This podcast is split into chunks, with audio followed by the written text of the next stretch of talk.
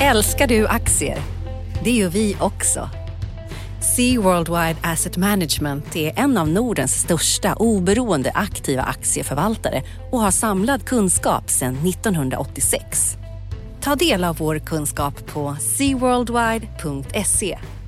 Bokstaven C, worldwide.se.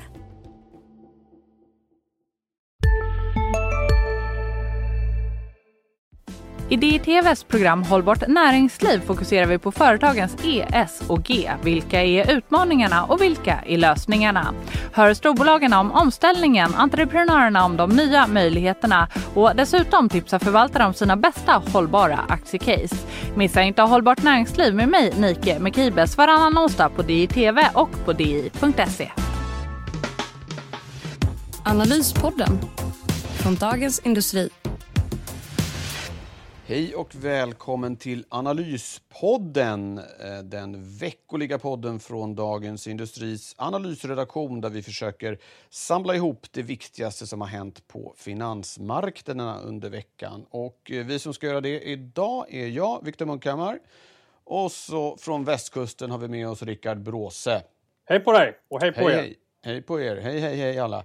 Japp, innan vi börjar så ska vi slå fast att det är fredag förmiddag den 18 december när vi pratar så att ni vet vad vi har klart för oss och vad vi inte har klart för oss. Och Rickard, vi ska ju börja med att eh, gå igenom de viktigaste sakerna som har hänt på börsen och de viktigaste makronyheterna här från veckan.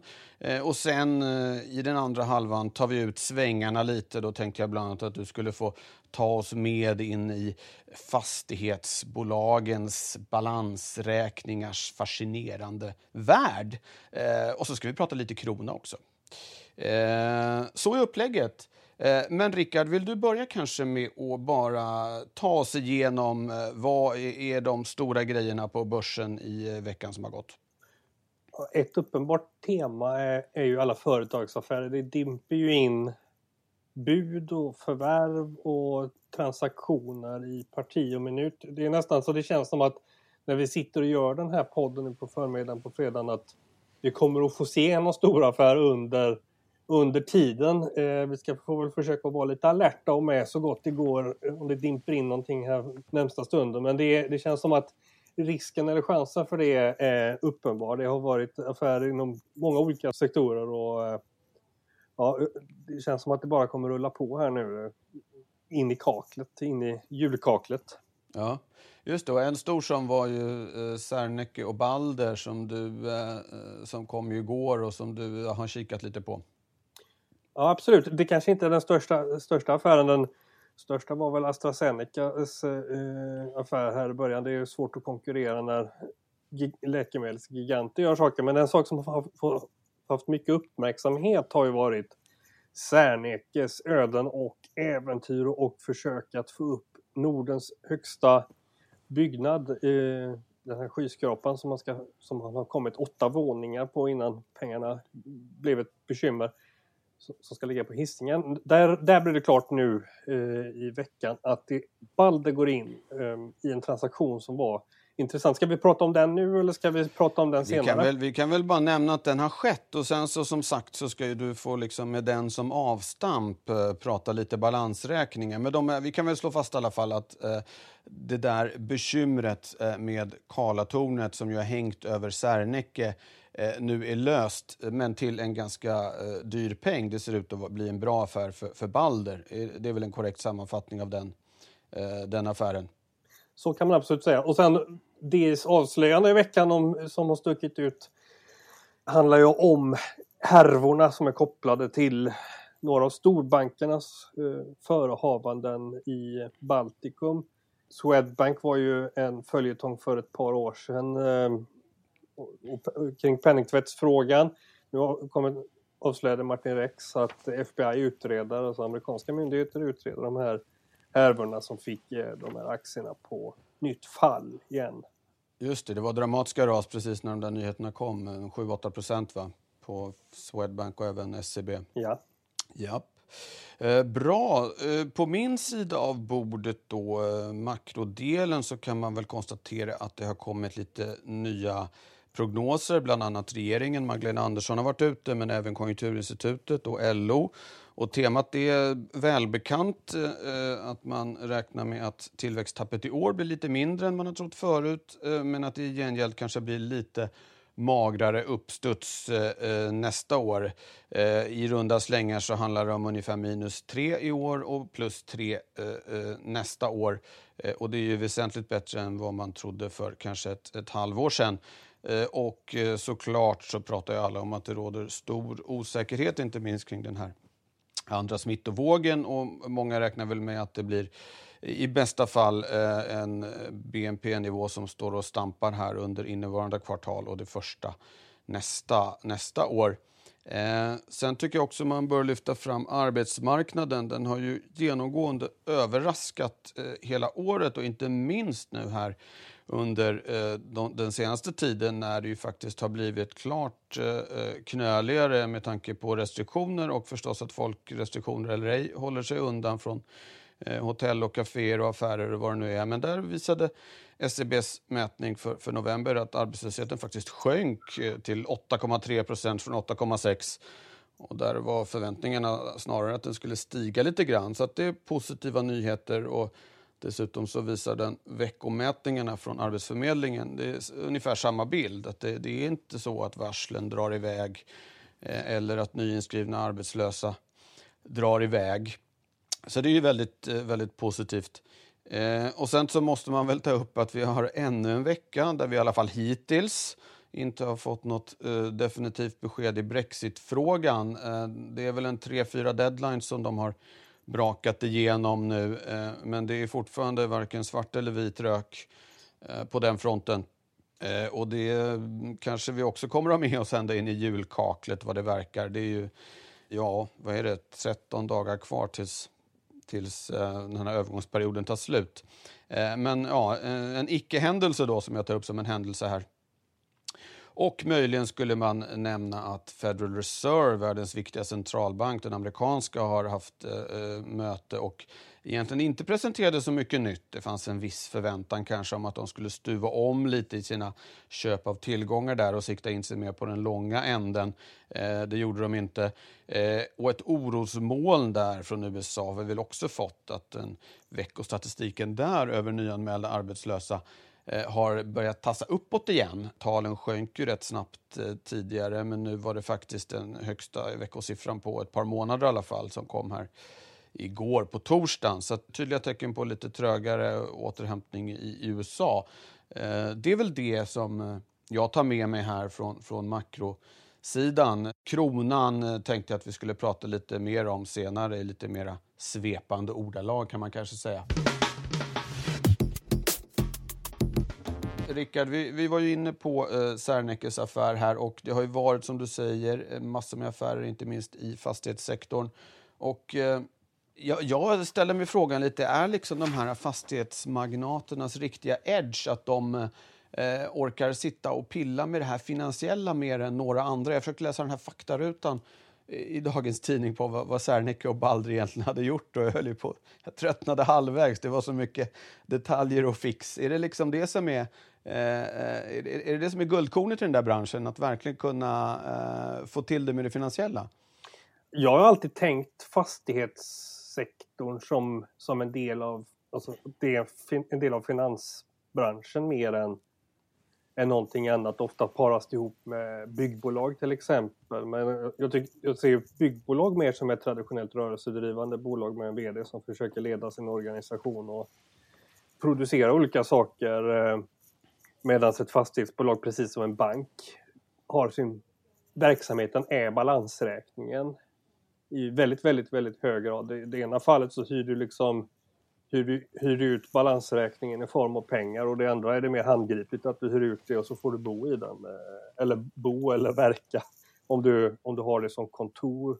Så, så det här är investeringsdrivna organisationer så ofta kanske om man själv är, är lagd lite åt börs placerar hållet så har du ofta kanske mer gemensamt med de här personerna som leder fastighetsbolagen än vad man har med, med en storbolags-vd. Eh, det är lite olika karaktär och det är ingen tillfällighet att väldigt många av de finansiella uppfinningarna eller eh, det man kallar det för preffar till exempel är ju ingen ny uppfinning men det är finansieringselement som, som, som uppstår. Det är ofta fastighetsbolagen som har varit drivande runt det de senaste åren med D-aktier och preffar och att du har olika schatteringar på det egna kapitalet. Alltså precis som banker har olika nivåer i sin kapitalstruktur så har fastighetsbolagen också det. Och, och, och jag tycker den här affären mellan Balder och Serneke den visar verkligen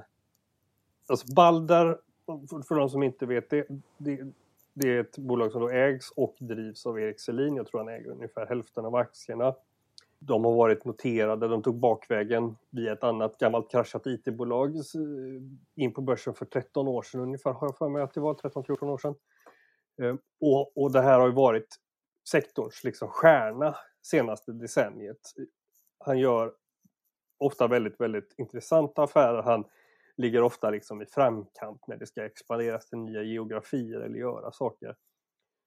Men den här affären visar också lite på den här Buffettska storheten att du kan ringa in riskerna på ett väldigt bra sätt. Så i alla möjliga utfall i, som man kan se eller olika scenarier så kommer han liksom, antingen kommer det bli bra för Balders aktieägare eller så kommer det bli i sämsta fall okej. Okay. Alltså det, det, det, blir bra hur det än kommer gå i, i, i eh, genom den här uppgörelsen som, som kanske kan den, den blir lite långdragen att dra igenom men det han gör är egentligen att de köper halva det här Karlatornet som ska byggas. Det egna kapitalet betalar de bara 25 000 kronor för.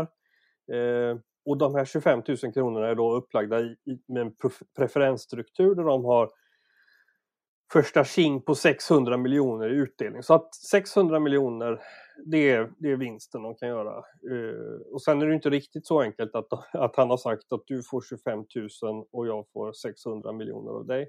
Det är lite för bra för att vara sant. Men då finns det också att de går in med ett aktieägarlån på, på 500 eh, på 500 miljoner.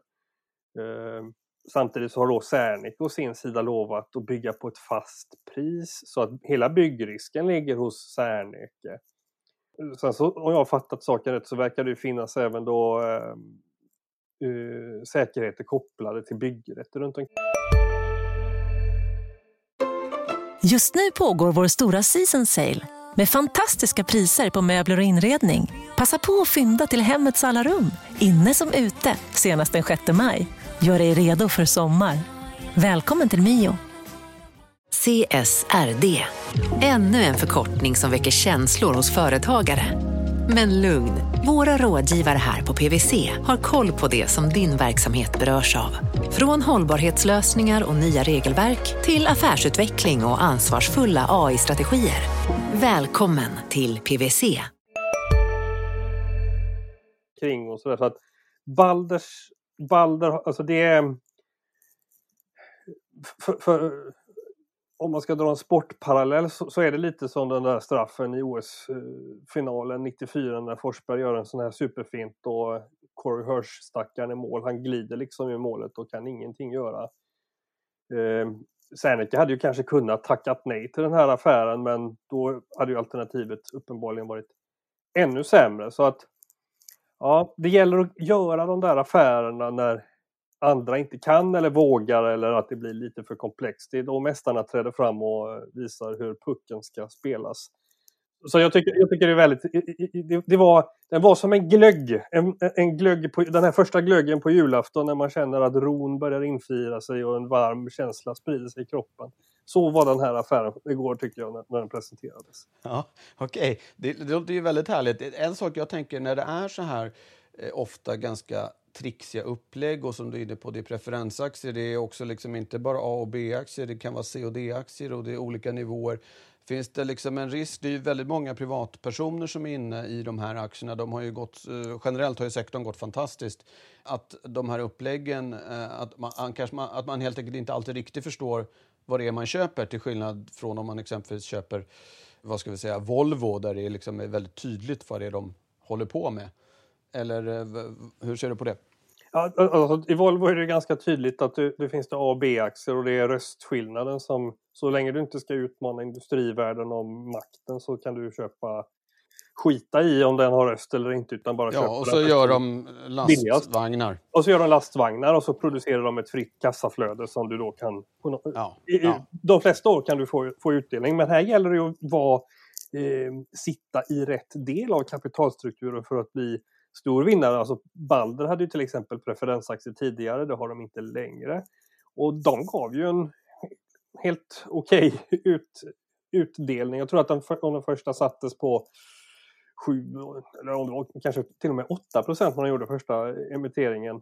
Eh, det var, och sen så har ju alla de här preffarna då pressats ner i takt med att räntor har gått ner och annat. Men över tid, det, det har ju inte varit så där, har du haft 7% per år och så får du Eh, vad, nu, vad, vad nu stamaktien har gett. Alltså, du måste veta om du köper en preff att du är, du är ett verktyg för stamaktieägarna eh, för det mesta. Eh, men just med det här upplägget som han själv då gör med, med Serneke, där, där finns det inte så mycket uppsida att ta del av. Så att han tillskansar sig liksom den potentiella vinsten som kommer att finnas i det här projektet, i, i det här Karlatornet AB.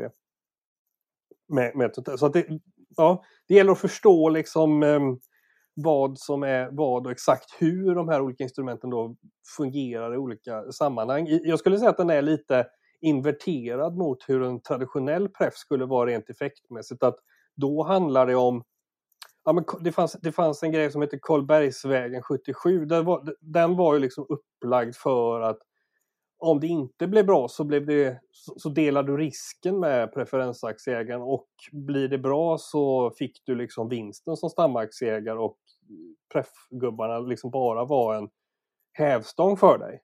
I det här blir det lite omvänt att, eh, att det i princip är Serneke som, som tar, får stå för risken och så får du själv gå hem med vinsten. För Sernekes del är ju, är, är, är vinsten av, av det här upplägget som även inkluderar optioner på kommersiella fastigheter och dessutom en portfölj med byggrätter, en ganska stor portfölj med byggrätter som de också säljer. Så att det, det den innehåller fler komponenter men om man ska koka ner det till vad, vad Sernekes aktieägare vinner på det här så är det ju naturligtvis A. Ja, de klarar sig ur en väldigt, väldigt trängd finansiell situation där det var liksom ett höghus som hade bromsat på våning åtta och du bryter kovenanter i, i, i ditt bolag. Kovenanter, alltså lånevillkor. eh, Precis, du, de, eh, det. de var pressade finansiellt kort och gott. Eh, till att få, få en mer ordnad finansiell situ- situation för att det görs nyemissioner också samtidigt, samtidigt som de säljer lite tillgångar. Och då har de kvar, eh, nu gjorde de i och för sig en affär på morgonkvisten på byggrätter som ligger i anslutning till det här tornet. Men de hade innan den affären 200 000 kvadratmeter byggrätter. Nu säljer de en del här. Ska du sätta samma prislapp på hela den portföljen så är den värd 2,6 miljarder. Så att den här, det de gör med, det de gör med Balder, det är liksom en, det öppnar upp. De, de hittar nyckeln till en skattkista där de har en guldklimp. Så kan man uttrycka det Ja. metaforiskt. Okej, det är bra. Glögg och guldklimp, eh, nyckel till skattkistan och kanske då att man ska eh, hålla koll på vad man verkligen investerar i om man eh, köper olika typer av instrument i fastighetsbolagen. Ska vi ta några ord om eh, kronan också som jag tänkte eh, bre ut med lite om. Det är ju, har ju varit ett sorgebarn länge och vi har pratat om det i den här podden förut och vi har skrivit en hel del om det i, i tidningen. Men kronan har ju verkligen fått revansch i år och inte minst den här veckan eh, har den gått starkt. Om man tittar från början av året och, och kikar på det här KIX-indexet som eh, i ett slags handelsviktat eh, index så har kronan stärkts ungefär 6% i år. Och, eh, går man istället in och tittar efter eh, att den här värsta paniken i mars där hade lagt sig så handlar det om snarare uppåt eh, 10% som kronan har gått. Och det är ju en väldigt, väldigt snabb snabb eh, rörelse. Eh, och sen så ska man ju då komma ihåg att vi kom ju från väldigt svaga nivåer. Men eh, vi är tillbaka nu eh, med, med det här Kicks då ungefär där vi var vid årsskiftet 17-18. Eh, och det som är intressant och som nog också är en orsak till att kronan har gått så här pass starkt är att Riksbanken har eh, mest bara tittat på eh, Eh, och inte pratat om det. De har ju eh, all, tidigare alltid varit väldigt, väldigt eh, försiktiga och inte velat se för snabba kronrörelser. De har visserligen alltid prognostiserat att kronan ska stärkas men att det ska gå lugnt och fint och inte för snabba rörelser. Och, och de har liksom inte brytt sig om det här. Eh, och Det är nog ett, ett skäl till att kronan har gått så pass. Eh, nu får vi se vad som händer. Jag tyckte det var intressant i det senaste protokollet där faktiskt Stefan Ingves, riksbankschefen, tog upp just eh, kronans snabba rörelse. Och det, var nog den, det, det, var nog årets första så kallade verbala intervention här. Men hittills så har, har marknaden inte brytt sig om det utan fortsatt att, att köpa på sig kronor. Så det ska bli väldigt intressant att följa, följa under nästa år. Fundamentan finns ju på plats där för, för en fortsatt förstärkning. Eh, Sverige har ja, betydligt bättre statsfinanser än i princip alla jämförbara länder. Eh, tillväxten ser om något ut att bli lite bättre Eh, och så vidare. Och sen så är ju faktiskt de här ränteskillnaderna borta. Det är ju samling kring nollan som gäller för eh, centralbankerna med några tiondelar hit eller dit så ligger eh, alla där kring noll. Så att eh, eh, Sverige sticker inte ut på det viset eh, eh, längre. och det kan ju kanske börja bli ett tema för börsen också. Det har ju inte varit så mycket prat om det eh, i år, men, men eh, för exportbolagen, i alla fall vissa av dem, så är ju kronan kan bli, eh, det kan bli både med och motvind. Just nu är det, är det motvind, även om man väl inte ska överdriva. Det är inte riktigt som på 80 och 90-talet. Eh, växelkurserna har en lite mindre betydelse, jag har en känsla av, eftersom saker flödar fram och tillbaka över gränserna innan de till slut exporteras. Men är det någonting som, eh, som du har sett eller hört några bolag som har pratat om att eh, vifta med kronan som en liten varningsflagg? Men du hade redan valutaeffekter som, alltså, som var negativa i industribolagen nu i kvartalet som rapporterades.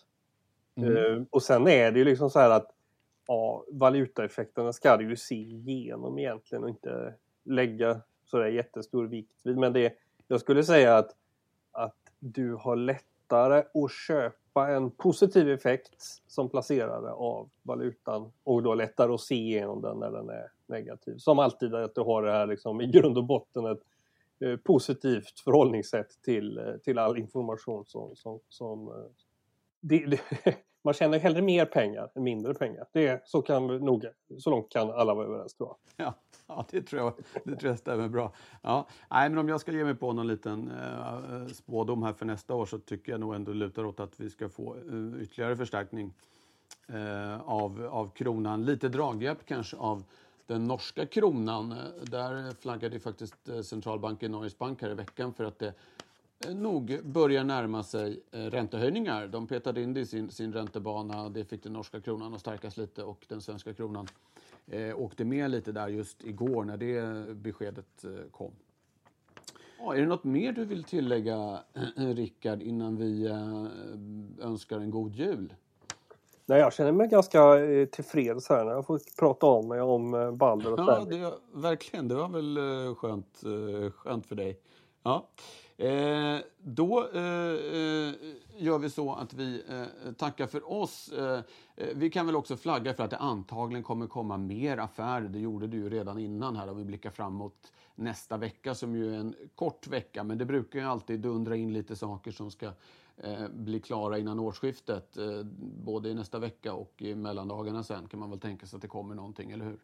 Absolut. Ja, och så får vi väl hoppas att vi får någon upplösning på Brexit-sagan, även om man ska nog inte utesluta att de hittar på någon, någon, någon habrovink som gör att det eh, kan fortsätta med förhandlingar även en bit in på, på nästa år. Jag vågar, knappt, eh, jag, jag vågar knappt veta vad jag ska tro längre om, om det här med Brexit. Men det kan man väl kanske hålla ögonen på. Eh, och så ska vi väl puffa för att det kommer en, eh, ett slags årskrönika från Analyspodden också.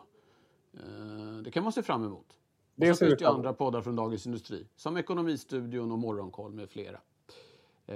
Men nu sätter vi punkt för idag. Tack alla som har lyssnat och god jul så småningom. God jul! Analyspodden från Dagens Industri. Programmet redigerades av Umami Produktion Ansvarig utgivare Peter Fellman. I DTVs program Hållbart näringsliv fokuserar vi på företagens E, S och G. Vilka är utmaningarna och vilka är lösningarna? Hör storbolagen om omställningen, entreprenörerna om de nya möjligheterna och dessutom tipsar förvaltare om sina bästa hållbara aktiecase. Missa inte Hållbart näringsliv med mig, Nike Mekibes, varannan onsdag på DITV och på di.se. Hej! Andreas Johansson på DIs nyhetsmagasin Ekonomistudion här. Vi fördjupar oss i de viktigaste frågorna och möter Sveriges makthavare inom ekonomi och politik. Ekonomistudion finns där poddar finns varje dag klockan 16.